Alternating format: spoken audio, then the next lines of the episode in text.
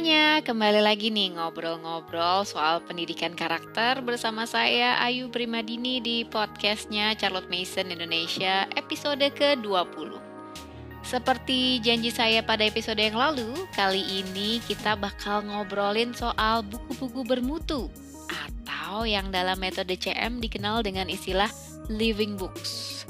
Semoga teman-teman udah denger ya episode sebelumnya di mana kita bahas itu kenapa kita perlu living books dan seperti apa itu living books. Nah, masalahnya living books ini biasanya bahasa Inggris dan kadang-kadang punya konten yang rasanya kurang pas gitu dengan kondisi dan situasi kita di Indonesia.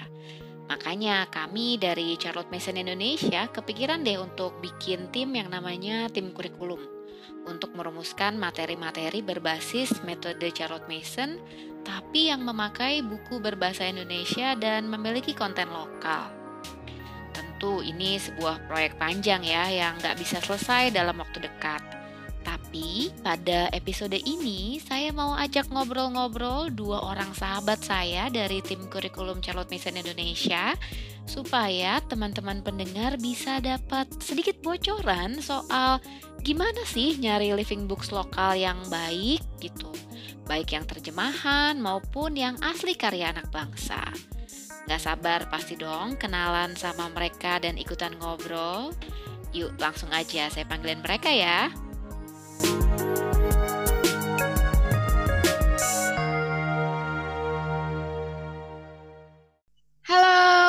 Nah sekarang udah gabung nih bersama saya ada Mas Dodit Sulaksono. Halo Mas Dodit.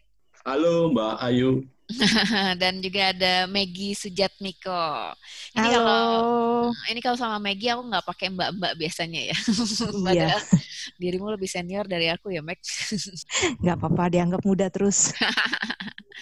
Oke, jadi eh, aku kenalin dulu sedikit nih ya. Eh, Maggie ini adalah penerjemah dan editor ya, Meg ya. Iya, betul.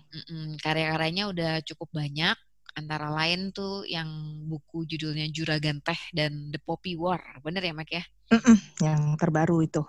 Oh, itu yang terbaru ya? Terbaru akan segera keluar sih sambungannya. Eh, sequelnya gitu ya? Sequelnya, ya itu di trilogi bukunya kebetulan. Hmm, itu nerjemahin apa ngedit? Eh, buku pertama aku nerjemahin, buku kedua kemarin aku ngedit. Ah, Oke. Hmm, terus iya. Biasanya Meg ini nerjemahin dari bahasa Inggris dan bahasa Belanda ya, Meg ya? Ada bahasa Iya, lain? Betul. Eh, enggak, dua bahasa itu aja untuk sekarang. Oke, selain Maggie ada juga Mas Dodit nih. Mas Dodit ini kolektor, terus pemerhati dan penggila buku ya Mas ya. Kurang lebih begitu Mbak Ayu. Terus Mas Dodit ini udah bergaul, cie bergaul nih, bergaul sama buku-buku lawas sejak tahun 2005. Bener ya Mas Dodit? Ya, itu secara profesional ya. profesional. Oke, tapi kalau suka buku ya udah dari kecil ya. Udah dari kecil suka buku. Oke, dan sukanya buku lawas ya. Eh, kalau dulu enggak, waktu 2005 itu udah mulai itu memang buku lawas saya. Oh, dulu apa pun dilalap ya. Apa pun disantap kalau dulu. Iya, dan sekarang Mas Dodit ini punya toko buku sekaligus tempat buat baca-baca buku gitu ya, Mas Dodit ya, yang namanya Ya. OTH ya. Ya, betul. Hmm. Jadi nih, em, kalau boleh cerita dikit ya, ini sebenarnya dulu awal kepikiran untuk bikin adanya tim kurikulum Charlotte Mason Indonesia atau kurikulum lokal gitu nih juga gara-gara ketemu Mas Dodit nih. Baru tahu Salah satunya. Baru tahu soalnya dari Mas Dudit kalau buku-buku Indonesia ini sebenarnya banyak yang bagus-bagus gitu ya. Iya. Dulunya udah hopeless gitu ngeliatin, wah ini buku kok bahasa Inggris semua gitu kan. Kalau di episode lalu kan kita ngebahas tuh eh, kurikulum Charlotte Mason kebanyakan dari luar negeri gitu. Ya bukunya sih bagus-bagus gitu, tapi kan kebanyakan bahasa Inggris. Sementara eh, di Indonesia ini banyak yang suka atau tertarik sama kurikulum CM tapi terkendala bahasa. Nah, Iya. Terus gimana dong solusinya gitu kan ya Meg ya gitu. Iya, betul. Kalau misalnya semua buku-bukunya bahasa Inggris lalu apa yang harus dilakukan? Iya, tapi cukup banyak juga ya udah sekarang sebenarnya yang sudah diterjemahkan ya. Hmm, Terakhir-terakhir ini kalau aku perhatiin banyak penerbit juga mulai menerbitkan buku-buku yang ada direkomendasi di kurikulum-kurikulum CM luar gitu. Mm-hmm. Kayak ambil saat online gitu ya. Iya, jadi agak sudah agak lumayan sih ketersediaannya. Mm-hmm. Yang menarik sih memang mungkin karena uh, buku-buku yang dikategorikan sebagai living books ini buku-buku klasik ya, Mac ya. Rata-rata ya, rata-rata ya. Karena uh, kekayaan bahasanya itu satu ya, mm-hmm. satu kekayaan bahasanya yang masih agak sulit ditandingi gitu. Mm-hmm uh, sama ide dan isinya itu entah kenapa buku-buku klasik itu idenya lebih kaya gitu loh, lebih dalam. Hmm. Menilik suatu apa ya kita bilang suatu topik yang diangkat gitu loh dalam buku itu. Mm -hmm. Tapi kalau uh, buku klasik itu jadi enaknya adalah udah bebas copyright ya, jadi bebas diterjemahkan ke mana-mana ya. Betul, betul. Uh, tergantung juga sih ya sebenarnya karena kan klasik ada juga yang kita bilangnya modern klasik ya buku-buku klasik modern itu mungkin ada beberapa sih sebagian belum lepas dari copyright ya mm-hmm. karena copyright itu 80 tahun setelah penulisnya meninggal kalau aku nggak salah mm. baru dianggap bebas copyright kecuali ada ahli warisnya biasanya mm-hmm. Hmm. Jadi bisa diperpanjang kemungkinan. Tapi kalau yang benar-benar klasik sebelum abad ya tahun-tahun 1800 gitu ditulisnya hmm. ya itu hmm. udah udah bebas, udah bebas copyright. Hmm. Nah, kalau buku-buku klasik kan yang bahasanya sulit-sulit seperti tadi dirimu bilang gitu kan, hmm. berarti kan proses nerjemahinnya juga lebih menantang ya, Mac ya? Gimana? Oh iya, banget, banget, banget, banget. Uh, apa ya? Uh, susahnya gini loh kita itu nerjemahkan kan nggak bisa selalu kata per kata ya juga urutan kalimatnya juga nggak bisa harus sesuai dengan bahasa aslinya malah jadi aneh nanti dalam bahasa Indonesianya. Nah dalam kalau buku-buku klasik ini ya karena dari ukuran bahasa Inggris modern pun gitu kalau kita ukur dari bahasa Inggris modern pun uh, susunan kalimatnya kadang berbeda gitu dengan tata bahasa modern hmm. gitu kan cara cara misalnya tokohnya ngomong itu cara tokohnya bicara tuh beda gitu sama cara orang sekarang bicara gitu di era modern ini gitu kan. Mm-hmm. Jadi kalau menerjemahkan klasik tuh biasanya kita harus lihat dulu itu satu kalimat gitu ya seluruh seluruhnya satu kalimat dan kita harus ngerti dulu gitu. Ini ngomongin apa sih gitu loh tokohnya atau ini penulisnya ingin menyampaikan apa sih gitu loh. Hmm. Nah dari situ baru bisa kita susun ulang ya bahasa Indonesianya kalau menurutku. Hmm. Itu kenapa juga kali ya akhirnya uh, ketika suatu buku itu dikategorikan sebagai living books, tapi mm -mm. begitu diterjemahkan nggak jadi living books lagi gitu ya? Iya, kadang bisa hilang ya kadang bisa hilang itu juga uh, satu tergantung kemampuan penerjemah juga ya kalau untuk buku klasik ini ya. Karena uh, cirinya living books itu kan bahasanya biasanya indah sastrawi hmm, hmm, gitu kan. uh, mener satu menerjemahkan buku klasik sendiri tidak mudah.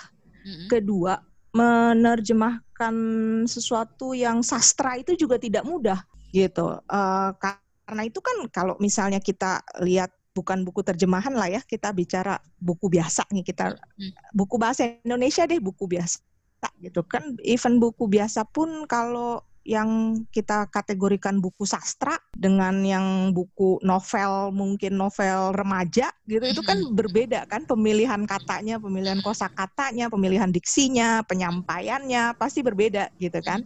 Nah, jadi dalam penerjemahan buku klasik apalagi yang kita kategorikan living books yang yang dicari ini yang kualitas sastra ini. Hmm. Nah, terus solusinya gimana dong, Mike supaya kita tuh tahu nih apakah sebuah kualitas terjemahan ini termasuk bagus apa kurang bagus gitu. Karena kan kita nggak bisa kan misalnya lihat dari bukunya mm dari judulnya doang misalnya apa Tom Sawyer gitu. Tom Sawyer itu yeah. kan jelas-jelas masuk living books gitu. Ada di daftar living books di AO gitu kan diambil satu yeah. tapi kan terjemahan Tom Sawyer ini banyak banget kan. Terus gimana cara kita memilahnya untuk tahu mana terjemahan yang bagus dan mana terjemahan yang kurang bagus sehingga nggak dikategorikan sebagai living books lagi. Sebenarnya cara paling gampang itu tentu kalau kita bisa datang ke toko offline ya gitu kan. Mm-hmm. E, biasanya kan di toko buku itu ada judul yang sama misalnya ada dari beberapa penerbit itu biasanya tersedia gitu kan di mm-hmm. satu tempat. Jadi e, dan biasanya selalu ada contoh bukunya sampelnya gitu kan. Jadi kita bisa lihat-lihat dulu di dalamnya. Mm uh, bisa kita banding-bandingkan dulu gitu. Memang sekarang agak repotnya sejak pandemi ini kita nggak bisa pergi ke toko buku offline ya. Jadi kalau uh, aku sarankan sih gini, uh, paling yang bisa dilakukan sekarang mungkin satu cari-cari review di internet, cari-cari ulasan di internet. Mm-hmm ya misalnya misalnya kita lihat ada penjual atau kita lihat di toko buku online ada buku A terbitan penerbit B gitu misalnya Nah. Ternyata judul ini diterbitkan juga oleh penerbit C gitu misalnya. Hmm. Eh, kita mungkin bisa cari di internet ulasan orang yang misalnya membaca dari buku penerbit yang dari terbitan penerbit B atau yang dari terbitan penerbit C. Biasanya kalau dari pengalamanku sih orang-orang yang mengulas di internet cukup jujur sih gitu menyampaikan kalau memang nggak enak tuh pasti dibilang nggak enak gitu loh. Kalau memang bagus pasti dibilang bagus sejauh pengalamanku ya. Book blogger, book blogger itu ya? Iya, book blogger, book blogger itu. Atau uh, ya kadang memang yang nggak terhindarkan itu ya sistem trial and error ya. Kadang kita karena nggak tahu beli dulu, ternyata setelah baca kok kurang enak ya ini terjemahannya gitu ya. Baru kita ya, coba deh kita coba dari penerbit lain ya itu memang nggak terhindarkan 100% sih. Hmm. Tapi paling tidak kalau kita mau minimalisir, paling gampang cari ulasan di internet atau yang lebih gampang lagi langsung ke websitenya CM Indonesia.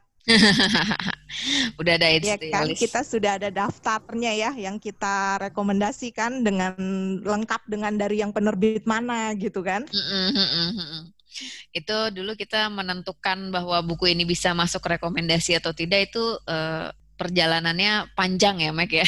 Panjang itu. Kita Padis. sampai berapa berapa banding bandingin kadang ada satu judul buku diterbitkan sampai tiga penerbit gitu kan. Kita sampai banding-bandingin dulu. Sudah dinilai rame-rame dilihat rame-rame. Mm lalu dengan sadisnya kalau yang kita bilang kurang coret.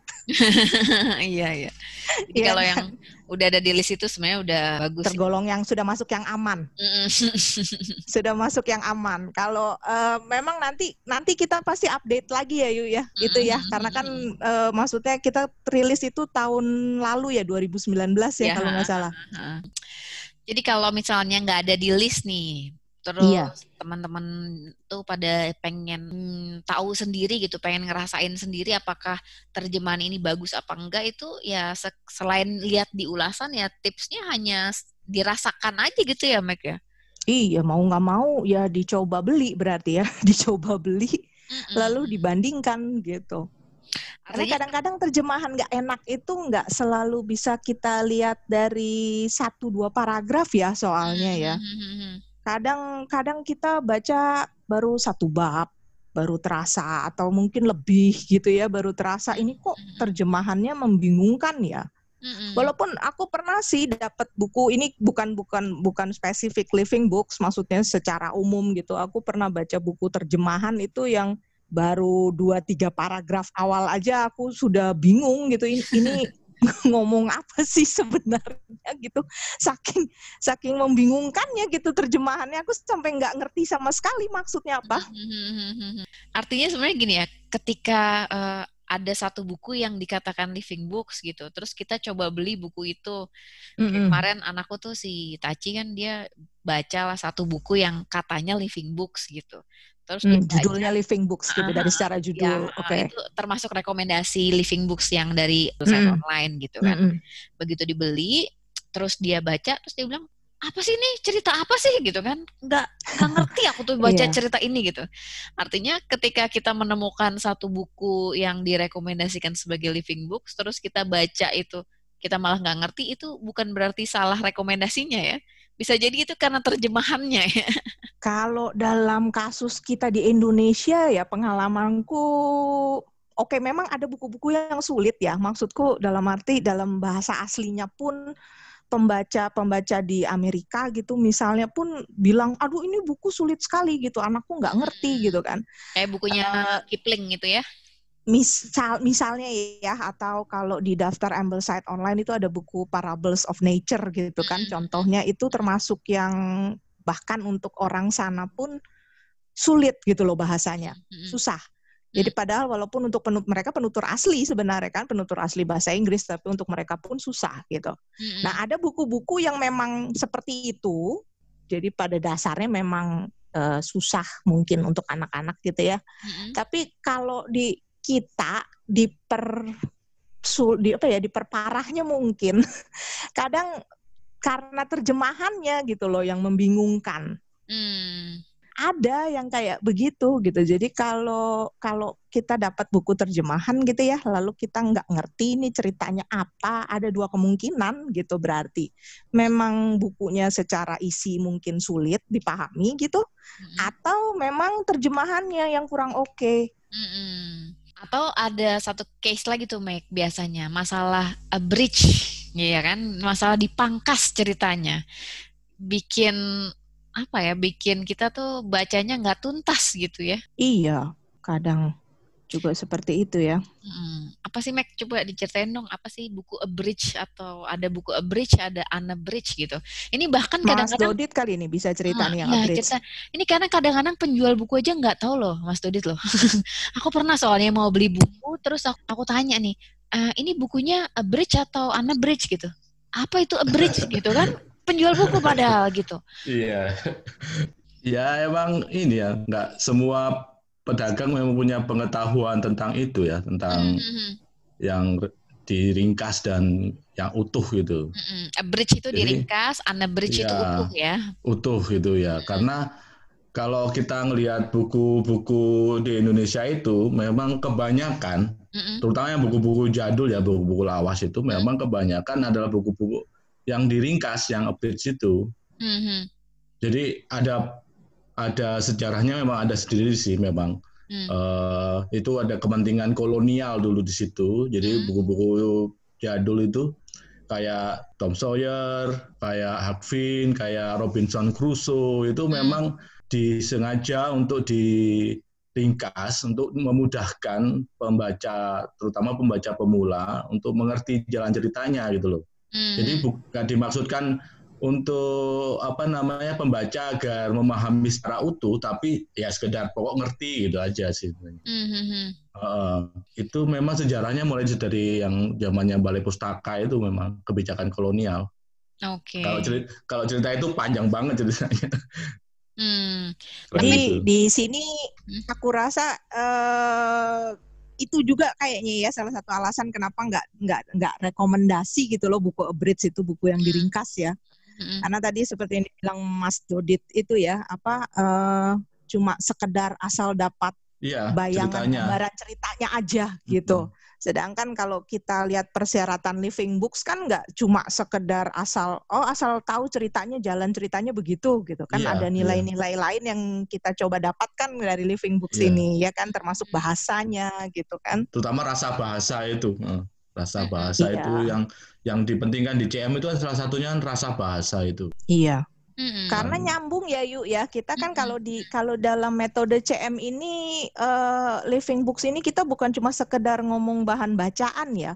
Hmm. nyambung hampir ke semua eh, apa ya kita bilangnya semua mata pelajaran lah bisa Hmm. di semua aspek ya gitu ya dari CM ya Hmm. gitu kan karena dari buku-buku yang bagus satu anak belajar kosakata Hmm.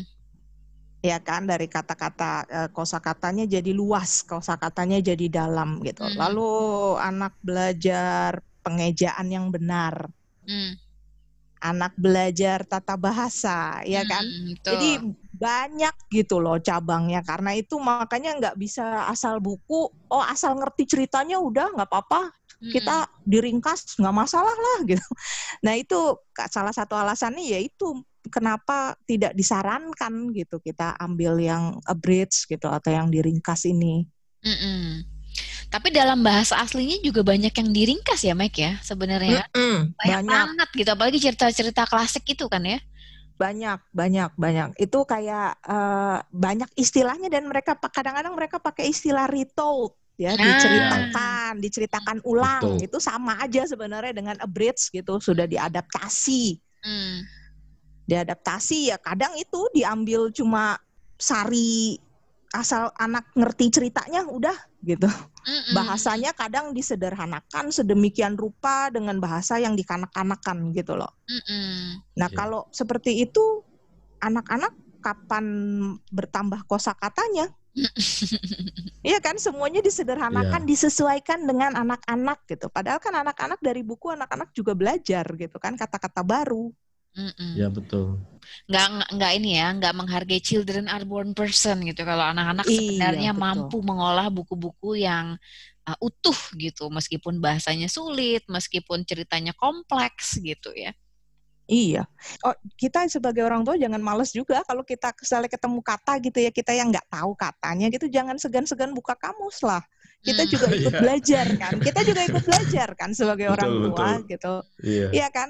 Kita mas, maksud saya mau, mau mau maksudku mau belajar mau baca buku bahasa Indonesia kayak atau bahasa Inggris gitu kan. Hmm. Aku pun nggak selalu tahu gitu arti katanya gitu dan kadang anakku nanya gitu kan, ini artinya apa ya mami gitu. Kata ini artinya apa ya?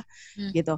Atau eh, itu aku juga hmm Mami juga nggak tahu. Nanti kita cari sama-sama ya di kamus. Nah, di satu sisi, di satu sisi eh, kita nggak segan men- bilang kita pun nggak tahu gitu. Hmm. Lalu kita cari sama-sama itu buat aku ngajarin anak juga untuk dia bisa cari tahu ke mana gitu loh kalau dia nggak tahu. Hmm. Diajarin ngebuka kamus gitu kan. Ini sekarang online ya gampang. Hmm. Sekarang internet banyak kamus gitu kan. Kita bisa buka kamus bahkan kamus bahasa Indonesia pun ada gitu kan di internet. Hmm. Jadi jangan takut ketemu kata-katanya terlalu tinggi. Anak saya Hmm. nggak ngerti loh. Ya justru itu belajar gitu kan. Kalau nggak pernah belajar, nggak pernah kenalan dengan kata-kata baru, ya kapan mau bertambah kosakatanya? Artinya jangan jadikan ketakutan wah nanti anakku nggak ngerti terus kita jadi baca buku abridge gitu jadi baca buku ringkasan gitu ya hanya karena kita Iya. takut anak-anak nggak ngerti gitu ya Kita mesti apa ya percaya kemampuan anak-anak mencerna ya. Hmm. Kalau CM bilang ya, jangan Iya. dikasih cuma yang ampas-ampasnya gitu. Iya. Eh, tapi kan ini ya kalau misalnya di luar negeri buku-buku luar buku-buku berbahasa Inggris biasanya memang ada tulisannya ya abridge gitu atau rito iya. Nah, masalahnya nih kadang-kadang yang buku berbahasa Indonesia yang terjemahan ini nggak ada tulisannya ya? Iya nggak Mas Dodit? Nggak Jadi kita ada. nggak tahu itu tuh apakah ini abridge apa enggak gitu. Kita baru tahu ketika Betul. udah baca gitu kan. Betul. Kadang ada yang Betul. ceritanya gantung juga ya Mas Dodit ya. Kadang Iya. baru Jadi setelah kalau membaca. Di, kalau di Indonesia itu kan kita itu ada ini ya apa ri- yang diringkas, Mhm. kemudian ada yang disadur. Hmm. Jadi Beda ya antara diringkas dan disadur. beda itu. Jadi kadang kita harus jeli. Itu makanya menurut menurut saya kadang praktisi itu harus benar-benar nyemplung itu karena kalau nggak gitu nggak bisa tahu nggak bisa paham. Mhm. ini yang utuh itu yang bagaimana yang diringkas itu bagaimana. Oh ternyata ini saduran itu itu harus nyemplung. Apa Itu sih bedanya PR disadur dan di- diterjemahkan? kalau diterjem kalau diterjemahkan kan biasanya pe- penerjemah itu berusaha sedekat mungkin dengan bahasanya si penulis aslinya kan Hmm. dia nggak akan jauh-jauh dari situ lah Hmm. karena setiap penulis itu kan punya selera sendiri selera bahasa sendiri Hmm, hmm, hmm, nah itu kalau penerjemah kan berusaha untuk sedekat mungkin dengan cara penulisnya bertutur itu hmm, hmm, hmm. kalau kalau saduran Hmm. cenderungnya ya dia di ini di apa namanya di eh, dilokalkan kalau kasar bahasa paling sederhananya dilokalkan diseder- Mhm. disederhanakan ke dalam dalam lingkungan yang terdekat di Indonesia. Misalkan saya contohnya itu eh, kayak Kipling ya yang Jungle Book ya. Jungle Mhm. Book itu saya pernah nemu, menemukan satu buku eh, judulnya Anak Didikan Rimba itu diterjemahkan jadi begitu. Hmm, hmm, itu ternyata setelah saya baca itu bukan terjemahan tapi saduran. Loh kok bisa disebut saduran? Karena kayak nama Mowgli-nya diganti jadi nama lokal. Kemudian serigalanya bukan serigala tapi anjing, anjing hutan. Hmm. Terus cara dia berbahasa juga sangat berbeda dengan bahasanya Kipling gitu loh. Jadi kalau kita Hmm. baca ini seperti membaca karya yang berbeda gitu loh. Hmm. Nah, itu saduran, cenderungnya saduran begitu. Tapi alur ceritanya mirip dengan Jungle Book gitu ya. Mirip, mirip. Kalau kita sudah pernah baca Jungle Book, pasti tahu ini pasti ini Jungle Book. Tapi kalau kita baca itu seperti membaca karya yang berbeda. Hmm. Jadi rasa bahasanya Kipling itu hilang, kemudian uh, apa yang living ideas ya kalau dia di kita di CM kan living ideas-nya itu jadi kayak jadi lebih berkabut, kita nggak jelas ini maksudnya apa gitu loh. Hmm. Nah itu yang kemudian saya menyadari bahwa kenapa karya saduran itu di CM itu nggak diperbolehkan, nggak dipakai gitu ya. Hmm. Misalkan banyak orang pasti sudah tahu ya karyanya Melari Siregar, si Jamin dan si Johan. Mhm. Tapi tahu nggak kalau itu karya saduran dari uh, Charles Dickens? Nggak tahu mungkin Oliver Mhm. Twist Mhm. bahwa ternyata itu saduran karena uh, lokal banget rasanya Mhm. di suasananya, apa tokoh-tokohnya gitu. Tapi Mhm. sebenarnya kalau kita sudah pernah baca Oliver Twist pasti tahu, oh ini Oliver Twist nih sebenarnya kisahnya gitu loh. Jadi kayak jadi karya jadi seperti karya yang berbeda. Nah, itu saduran. Kemudian kalau yang ringkasan itu bagaimana, yang update itu bagaimana. Nah, itu juga kita juga harus ini apa nyemplung juga kalau enggak nggak tahu Mhm. bedanya yang utuh sama yang terjemahan yang utuh dengan terjemahan yang diringkas. Hmm. Saya punya contoh, boleh dibaca ya? Baca Boleh ya? dong. Mbak Ayu. Oke. Ini saya ngambil dari bukunya uh, Mark Twain yang Huckleberry Finch. Mhm. Kebetulan saya pegang dua buku. Mhm. Yang satu terbitan Pratnya Paramita, tapi sebelumnya sebelum Pratnya Paramita ini buku ini sempat diterbitkan oleh penerbit namanya Nordhoff Kolf. Mhm. Nordhoff Kolf. Lawas itu ya? Iya, lawas. Kemudian diter- diterbitkan lagi pakai nama Norkomala. Mhm. Kemudian yang kemudian di ejaan yang disempurnakan diterbitkan oleh Pratnya Paramita. Ini penerjemahnya penya- sebenarnya salah satu sastrawan ya pujangga baru namanya Saada Alim. Mhm. Saya co- coba bacakan nanti dibandingkan dengan Huckleberry Finn terjemahannya Joko Lelono. Nah, ini saya bacakan dulu yang yang eh, terbitan Pratnya Paramita. Mhm. Didengarkannya pula kembali, lalu ia datang berjingkat-jingkat, dan ia berdiri di dekat kami benar, sehingga dapat kami menyinggungnya.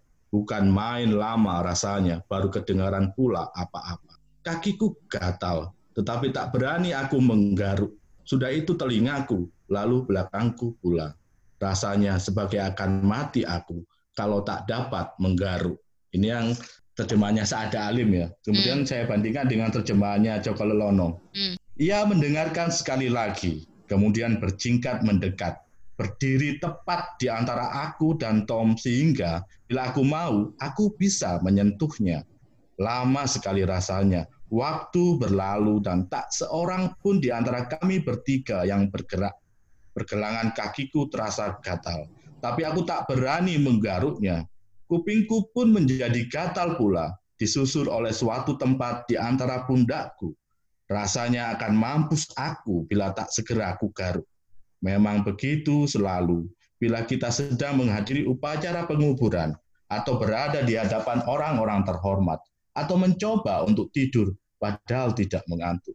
Pokoknya pada saat-saat keadaan tak mengizinkan bagi kita untuk menggaruk-garuk, pasti rasa gatal muncul di seribu tempat di tubuh kita.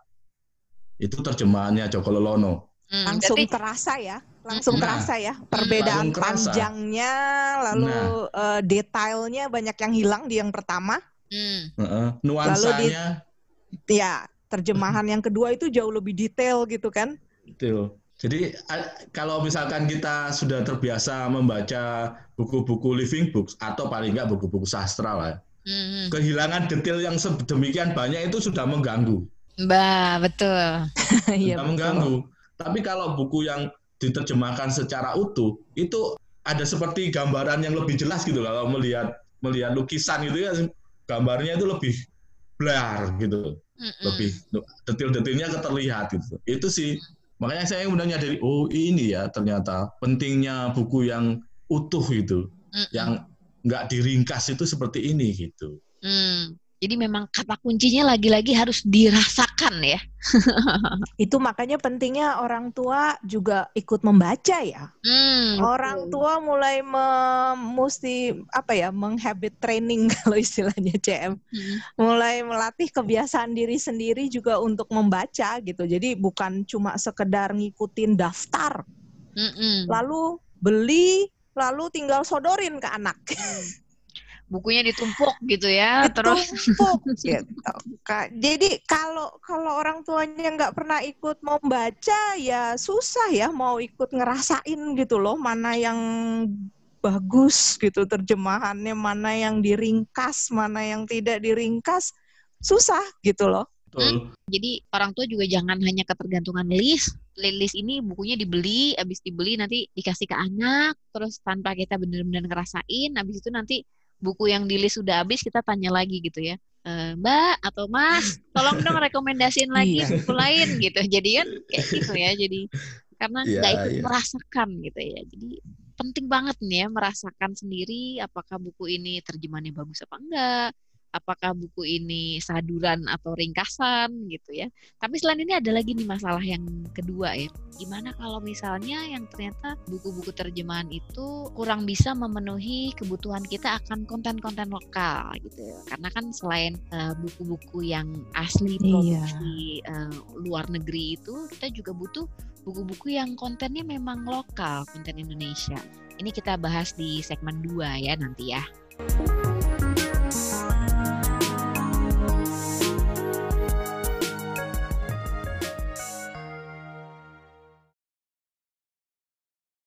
Oke, ya seperti tadi ku bilang ya, kalau misalnya eh, masalah kita dalam mencari buku-buku lokal ini kan bukan hanya masalah bahasa, tapi juga masalah konten ya. Kayak misalnya tuh eh, kita lihat di kurikulum Ambleside online kan banyak buku-buku sains yang living gitu kan. Tapi begitu kita baca, lah burung jenis ini nggak ada di Indonesia gitu kan.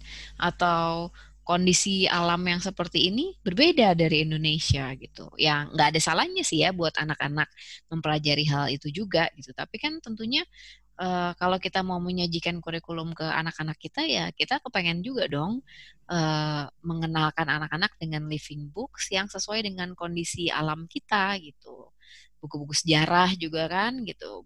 Penting buat mereka untuk tahu pahlawan-pahlawan di luar gitu. Karena kan nilai-nilai karakternya bisa didapat juga terlepas dari dia orang berkebangsaan mana gitu. Tapi kan ya masa sih anak kita belajar pahlawan-pahlawan di luar negeri, tapi mereka nggak belajar pahlawan-pahlawan dalam negeri gitu kan. Jadi untuk itu kan kita butuh banget nih sebenarnya kan buku-buku lokal, living books living books lokal yang bisa menyajikan ide-ide berharga tapi karya anak bangsa gitu. Nah, ada nggak nih sebenarnya nih Mas Dodit nih? Ya, ini sebenarnya salah satu PR besar kita ya sebagai praktisi Gerald Mason ya. Mhm. Karena kalau dijawab nggak ada itu sepertinya kita itu belum berusaha tapi sudah sudah putus asa gitu ya. Males banget Tapi- nyari gitu. Iya, tapi dijawab ada pun itu banyak faktornya gitu, banyak banyak seginya juga kemudian menjawab ada itu. Mhm. Karena s- ternyata setelah pengalaman saya sendiri dalam mencari buku-buku lokal itu juga kemudian harus bersinggungan kembali dengan fil- filosofi pendidikan yang kita jalani ini karena kembali kepada juga kepercayaan keluarga masing-masing juga gitu loh. Jadi Mhm. banyak faktor. Tapi bukan berarti nggak ada ya. Makanya itu tim kurikulum dibikin tuh Mbak Ayu. Mhm. Karena untuk untuk menelusuri itu karena kalau kita lihat mulai dari pengalaman saya pribadi ya, mulai dari tahun 45 Indonesia Merdeka itu sampai sekarang itu buku lokal tuh buku terbitan kita itu ternyata banyak sekali dan bermacam-macam terutama buku-buku untuk anak-anak. Mhm. Nah itu mas peluang untuk mencari itu memang ya susah lah menurut saya. Tapi bukan berarti nggak bisa. Hmm, bagai mencari jarum dalam jerami ya. Ah ya kurang lebih Sangat. begitu. Sangat ya kayaknya kalau untuk buku lokal ini. Iya betul, Artinya ada, cuman ya memang harus telaten nyarinya gitu ya. betul. Iya. Tapi dulu ya aku kan waktu awal-awal pakai HCM itu aku memang juga hopeless gitu kan. Mana ada nih buku living books berbahasa Indonesia gitu. Tapi gara-gara kenal Mas Dodit waktu itu kan terus tahu oh ternyata banyak ya buku-buku lawas dan buku-buku lawas ini kok ceritanya naratif buku-buku lawas ini kok bahasanya sastrawi nggak menggurui gitu tapi kenapa sih Mas Dodit ceritanya tuh gimana? Kenapa dulu itu malah banyak buku-buku yang ceritanya naratif, yang sastrawi, yang bentuknya kisah gitu kan? Tapi kok yeah. sekarang malah buku-buku yang kayak gitu kok udah nggak diterbitkan lagi gitu. Kenapa? Ya, ini kita ini ya apa namanya?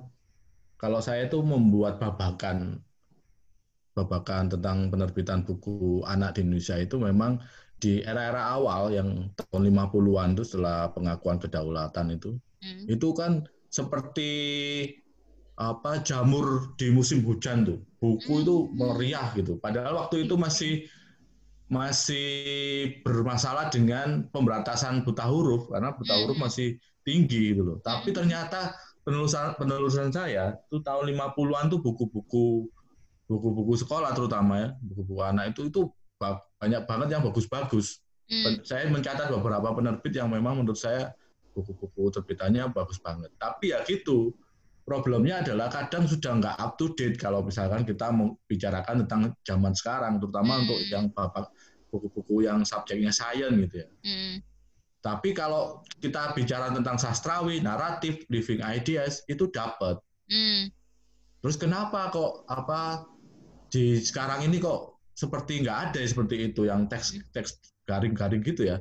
Nah, itu sekarang adanya saya, garing yang garing-garing gitu ya. Iya, itu juga problem pendidikan kita ya sekarang ini. Hmm. Makanya rupanya itu seperti mengikuti perkembangan pendidikan itu loh. Pendidikan hmm. kita sekarang seperti ini, kemudian buku-bukunya yang muncul juga seperti itu gitu loh. Hmm. Jadi menurut saya ya kalau kita mau mencari memang cenderungnya memang kalau ini agak mundur ke belakang kalau mau menelusuri itu. Baru kemudian ketemu tuh jalannya sampai oh kira meskipun nggak semua buku-buku tahun segitu bagus ya. Hmm. banyak banget ya itu yang saya sampaikan tadi banyak yang up to nggak nggak up to date. Jadi kalau kita baca sekarang itu saya yakin akan keteteran karena sangat tidak modern gitu loh rasa bahasanya itu. Kalau tadi dijelaskan oleh Mbak Maggie tentang tentang buku luar yang apa klasik itu seperti ini seperti tadi yang jelaskan sama kurang lebih sama dengan buku-buku lokal kita. Mm-hmm. Iya malah cita rasa buku-buku lama itu lebih uh, tinggi gitu ya cita rasanya ya. Iya terutama di soal bahasa ya. Mm-mm. Tapi ya sebenarnya seperti kata Mas Dudi tadi ini jadi kayak lingkaran setan gitu ya. Di satu sisi iya. kalau misalnya kita menyajikan buku-buku yang tidak bagus nanti anak-anak ya kalau mereka mampu menulis buku ya kualitasnya ya seperti itu gitu. Ya, Jadi kayak betul. mereka bacanya begitu ya mereka produksinya begitu gitu kan lingkar. Ya. Gitu. Terus aku tuh pernah baca tuh NH Dini tuh katanya dulu waktu dia belajar baca gitu masih SD gitu belajar baca tuh dia pakai bukunya Rabindranath Tagore gitu wah uh, mantap gitu nggak heran ya kualitas jadi penulis kayak NH Dini gitu kalau dari kecil ternyata bacaannya aja udah kayak gitu gitu kan betul ya, sastrawan-sastrawan kita aja nggak usah jauh. Ya maksudnya NH Dini salah satunya ya. Mm-hmm. tapi uh, sastrawan-sastrawan kita dari dulu kan memang banyak ya bacaannya banyak gitu. Dan dari dari segala macam genre gitu loh. Mm-hmm. supannya banyak. Makanya hasilnya keluarnya berkualitas. Mm-hmm. betul tapi ini ya tadi balik lagi ke soal yang disebutkan Mas Dodi tadi itu kan ya buku lokal ini sebenarnya banyak gitu buku lawas ini banyak yang cita rasa bahasanya tinggi, banyak yang naratif gitu. Hanya saja mungkin ada faktor-faktor fakta-fakta yang tidak tidak update gitu kan. Terus gimana sih sebenarnya nih ya kita menentukan apakah satu buku lokal ini bisa kita kategorikan sebagai living books atau bukan? Gimana nih caranya? Dari bahasa ya tadi ya. Bahasa Kalau, ya betul. Hmm, pertama dari bahasa, ide tadi Mas Dodi juga udah sebutkan ya, ide. Kalau misalnya kayak uh, yang tadi Mas Dodi sebut gitu, misalnya fakta-faktanya mungkin sudah eh, nggak uh, update gitu ya, fakta-faktanya sudah ketinggalan. Itu uh, kalau memang bukunya benar-benar bagus ya, kalau menurutku nggak ada masalah harusnya dipakai. Kita bisa selalu mensiasati dengan menambahkan buku lain yang dari modern, hmm. gitu, yang dari era modern untuk menjelaskan oh kondisinya seperti ini sekarang. Misalnya Betul. kita buku lawas gitu ya kita ngomong mungkin yang ngomongin soal Uni Soviet. Uni Soviet kan sekarang tidak ada lagi kan. Hmm. Nah, tapi tidak berarti yang buku lawas ini oh, ah udah ketinggalan gitu. Nggak nggak apa-apa yeah. kalau menurutku selama bahasanya bagus gitu kan, ide-ide yang disampaikannya hidup gitu nggak apa-apa. Hmm. Nah untuk update-nya kita sekarang ada internet, kita selalu bisa cari informasi di internet ya kan atau hmm. bisa cari bisa disuplemen dengan buku-buku lain yang lebih modern jadi bisa saling mengisi gitu loh sebenarnya nggak harus nggak harus berbenturan gitu loh antara buku lawas dengan buku modern kalau eh, kalau buku versi modernnya ada yang memenuhi kualitas living books tentu bisa dipakai. Tapi kalau misalnya tidak ada jangan langsung mengesampingkan yang lawas gitu loh kalau menurutku. Ya, aku setuju ya sama Mbak Maggie itu. Karena kalau kita terpaku pada kondisi-kondisi yang sebenarnya sudah ada gitu masih terus masih mencari-cari alasan seperti menunda-nunda memberikan makanan terbaik untuk anak-anak itu loh. Mm-hmm. Jadi menurut, menurut saya juga ya udah kalau memang ada ini kita tinggal sambil makanya harus ada harus kreatif ya. Mm. Praktisi itu menurut saya harus kreatif. Uh, pengalaman menelusuri bacaannya juga harus lebih lebih banyak, jam terbangnya harus dipertinggi, dipertinggi karena ya itu tadi, ini juga demi anak-anak gitu loh. Kalau kita cuma males-malesan nunggu yang tersedia, menurut saya juga nggak nggak efektif juga memberikan sajian terbaik untuk anak itu. Mm -mm, mm -mm. Betul. Karena kalau nungguin ini ya, nungguin tim kurikulum ngeluarin rekomendasi yang list lokal tuh kayaknya masih lama ya. masih banyak ya. Betul. Ya, ini cerita dikit nih. Kalau di tim kurikulum tuh uh, proses menentukan apakah suatu buku itu masuk living books atau tidak itu aja gontok-gontokan ya kita sering ya. Yeah. Panjang gitu ceritanya. Kadang-kadang uh, aku udah setuju, Mas Dodit sudah setuju itu masuk living books. Eh, yang lain nggak setuju. Iya, ada yang nggak setuju. Terus didiskusikan, wah ternyata dicoret gitu dari daftar gitu. Padahal, ya. ah ini kan buku bagus banget, tapi dicoret iya. juga gitu ternyata. Iya, gitu. betul. Iya, betul. Artinya untuk menentukan uh, suatu buku living books atau bukan, kalau dari sisi tim kurikulum ya memang agak-agak panjang prosesnya gitu ya. Tapi kan bukan berarti juga lantas kita, wah berarti ini bukan living books ya, berarti ini nggak boleh dibaca ya, berarti ini haram ya gitu kan. ya, Iya, iya. Iya, iya. Tapi itu tadi kembali ya ke pentingnya, yaitu pentingnya orang tua juga punya pengalaman gitu loh dengan living books, membaca gitu. Hmm. Seringnya aku kadang sekarang juga sering melihat fenomena kalau ada misalnya praktisi yang posting gitu mengenai buku yang dibaca gitu kan. Hmm. Oh langsung wah ini ini living ya mbak ini ini bagus ya mas gitu kan yeah. itu terus langsung di copy bulat-bulat gitu loh mm. uh, yang perlu diingat itu apa ya setiap anak berbeda setiap kondisi keluarga berbeda mm keyakinan dalam satu keluarga dengan keyakinan dalam keluarga lain bisa berbeda. Betul. Jadi itu juga kan kenapa kita di tim kurikulum juga mungkin sering berdebat karena ya kita punya pandangan berbeda-beda gitu kan mengenai satu buku. Jadi jangan apa ya, jangan cuma sekedar mengopi, membebek gitu loh. Hmm. Yeah.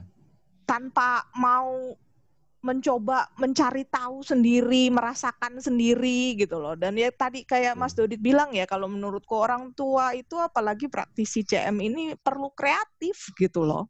Mm uh, artinya ya memang balik-balik gitu ya, balik-balik harus kreatif, harus ngerasain gitu. Tapi ada problem lagi nih, kalau misalnya buku-buku uh, lokal ini kan udah jarang ya gitu. Kita sendiri pun lagi berkutat dengan masalah itu ya. Iya betul. Banyak buku yang sebenarnya kita rekomendasikan, tapi uh, bukunya udah nggak terbit lagi atau bahkan penerbitnya udah tutup gitu ya. Nah, kalau misalnya teman-teman ada yang pengen nyari nih buku lokal yang lawas gitu, yang uh, mungkin bagus-bagus nih, gimana dan di mana sih nyarinya ini? Ya, kalau menurut saya itu ini ya, apa namanya? Sekarang itu media itu lebih gampang nyarinya menurut saya. Marketplace itu semua pedagang itu banyakkan itu di marketplace.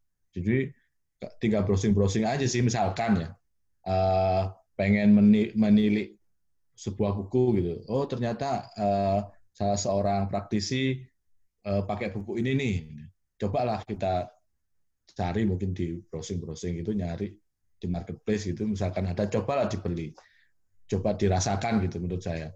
Hmm. Kalau kemudian kalau misalkan di Jakarta itu banyak banget tempat-tempat buku lawas, misalkan di Blok M Square, lantai bawah itu lantai dasar, kemudian di Senen, kemudian di pasar buku kenari, itu banyak lah. Dia tinggal kita nyari-nyari aja ya lebih rajin. Kalau uh, di daerah itu misalkan kayak di di misalkan di Jogja gitu, misalkan di shopping di, di shopping center itu, ya meskipun di situ banyakkan buku-buku baru ya buku-buku pelajaran, tapi ada beberapa kios-kios yang bagian atas itu yang jual buku bekas.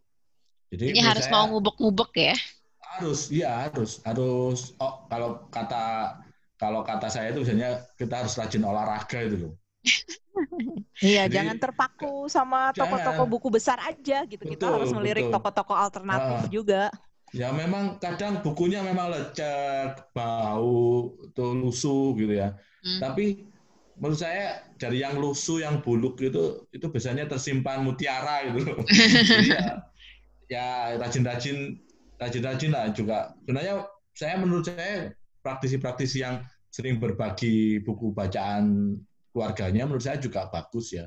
Karena itu untuk wawasan bagi uh, yang pengen tahu tentang living books gitu ya. Meskipun ya seperti yang disampaikan Mbak Maggie jangan sampai cuma di copy bulat-bulat gitu loh. Paling nggak kita harus punya taste sendiri gitu lah, yang selera sendiri ya. Selera sendiri itu juga butuh jam terbang, nggak bisa tiba-tiba ujuk-ujuk gitu loh, ujuk-ujuk begini gitu, terus dipakai gitu untuk baca untuk anak di rumah gitu nggak bisa, harus memang kita sendiri yang nyoba, make buat kita sendiri. Gitu. Mm -mm. Artinya untuk tahap awal memang penting bagi kita ya untuk ngerasain dulu nih mungkin living books living books yang sudah direkomendasikan ya baik yang ya, maupun yang uh, lokal gitu tapi yang mungkin sudah direkomendasikan gitu jadi ya. ketika kita membaca terus kita merasakan kita jadi tahu gitu kan oh kalau buku yang seperti ini ini namanya living books gitu ya nah setelah kita tahu cita rasa living books PR kedua adalah ya kita harus rajin nyari ya ya betul iya. Nah, sekarang online kayak tadi Mas Dodit bilang ya online juga banyak ya tersedia gitu. Mm-hmm. Apalagi uh, nggak nggak perlu di marketplace aja gitu, bahkan di Facebook, di yes. Instagram. Sekarang kayak Mas Dodit aja jual sekarang di Instagram kan. Itu ya, banyak penjual dan kalau dari pengalamanku sendiri gitu ya sebagai pemburu buku bacaan untuk anak pembeli nih dari sisi pembeli gitu. Kalau Mas Dodit kan penjual, aku pembeli. Hmm. Itu pengalamanku ya kalau kita berteman dengan satu penjual buku, hmm. biasanya kita nggak perlu cari penjual buku yang lain, penjual bukunya yang cari kita. Hmm. langsung di add itu biasanya di Facebook sama penjual ini, penjual itu, penjual ini di Instagram juga begitu sih kalau aku perhatiin sekarang. Jadi uh, semakin banyak sih sebenarnya kalau memang nggak mau cari langsung ke toko-toko offline itu di online itu banyak alternatif selama kita mau cari. Mm-mm. Apalagi dengan bantuan algoritma ya. Apalagi. algoritma kan yeah. tahu iya. banget tuh kita nyarinya apa gitu. Nanti kita di suggestnya ke arah sana. Gitu. Betul. Ya, tapi ah, tapi aku punya satu pertanyaan uh, ini nih buat Mas Dodit nih satu pertanyaan yang uh, aku penasaran dari dulu gitu. Mas Dodit ini kan uh, udah banyak bergaul dengan Living Books gitu. Mas Dodit juga praktisi CM lah ya. Udah tahu Living Books itu kayak apa dan Mas Dodit juga jualan buku kan gitu. Tapi kenapa sih Mas Dodit nggak menyebut buku-buku Mas Dodit sebagai living books? Iya, karena ini ya Mbak Ayu ya. Kalau saya kan memang jualan buku kan sebelum kenal living books ya. Hmm. Itu udah tak udah jualan buku. Hmm. Jadi menurut saya apa yang saya tawarkan itu memang buku-buku secara general, secara umum ya, meskipun saya pun juga punya taste sendiri soal apa yang saya jual gitu ya. Mm. untuk menyematkan sebuah buku untuk living ini living books ini ini bisa dipakai rekomendasi saya untuk year sekian gitu misalkan. Saya itu kok rasanya seperti merasa ini ya, merasa etika gitu ya, etika etika saya itu kayak nggak melarang gitu loh.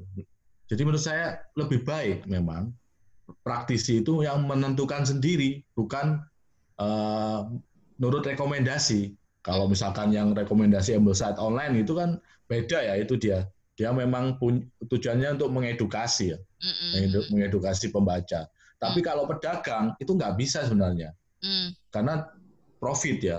Kita mm. cuma tujuannya untuk profit. Mm. Tapi kalau misalkan tim kurikulum CMID gitu ya, merekomendasikan buku ini ini ini sebagai apa namanya buku bacaan wajib atau bacaan buku bebas itu kan tujuannya untuk mengedukasi publik ya, mengedukasi publik. Itu tugasnya seperti itu. Tapi kalau pedagang nggak bisa.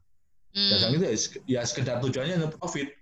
Hmm. Dia nggak bisa pakai kalau itu tapi entah kalau kalau yang lain ya, tapi ini saya pribadi. Hmm.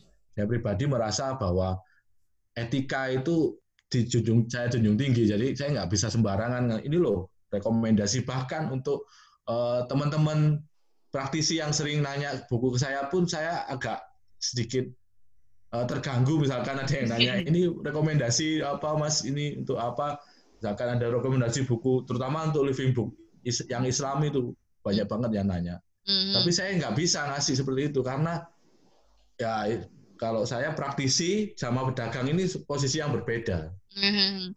Nah, bisa konflik kepentingan itu, gitu ya ya saya sering sih begitu jadi saya serba salah nih mm-hmm.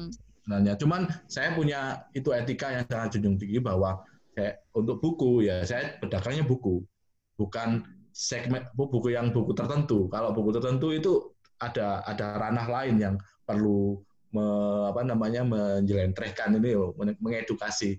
Karena living books terutama terus, terus, terus terang saya mengenal living books ya karena CM gitu loh. Kalau nggak kenal CM saya juga nggak paham living books. Walaupun sebelumnya udah baca living books, tapi nggak tahu kalau itu namanya living books gitu ya. Iya, dan itu bisa digunakan untuk belajar anak-anak kita gitu loh. Nah, ini juga saya nggak paham gitu loh. Nah, saya juga tahu ini buku bagus untuk anak-anak, tapi untuk kemudian jadi sebuah buku pelajaran yang untuk mengganti buku-buku buku-buku sekolahan, itu saya juga karena karena mengenal metode Charlotte Mason. Kalau enggak, saya nggak nggak nggak tahu makanya sangat saya punya etika itu tadi yang saya junjung tinggi hmm. untuk saya tidak sembarangan menyematkan uh, label pada sebuah buku yang saya jual gitu ya mending hmm. saya mending pun, pakai pengetahuan saya sendiri hmm. di luar itu CM itu ranah yang berbeda menurut saya hmm. begitu mbak Padahal kalau satu buku di uh, judul Living Books itu pasti langsung laku ya. ya, karena kembali kurang lebih kembali ke yang tadi juga ya yuk ya. Maksudku kalau kita bicara yang terjemahan gitu ya. Misalnya kan tadi uh, kita tadi udah udah bicarakan juga kan gitu. Ada terjemahan-terjemahan yang malah membuat kelivingan suatu buku hilang. Hmm.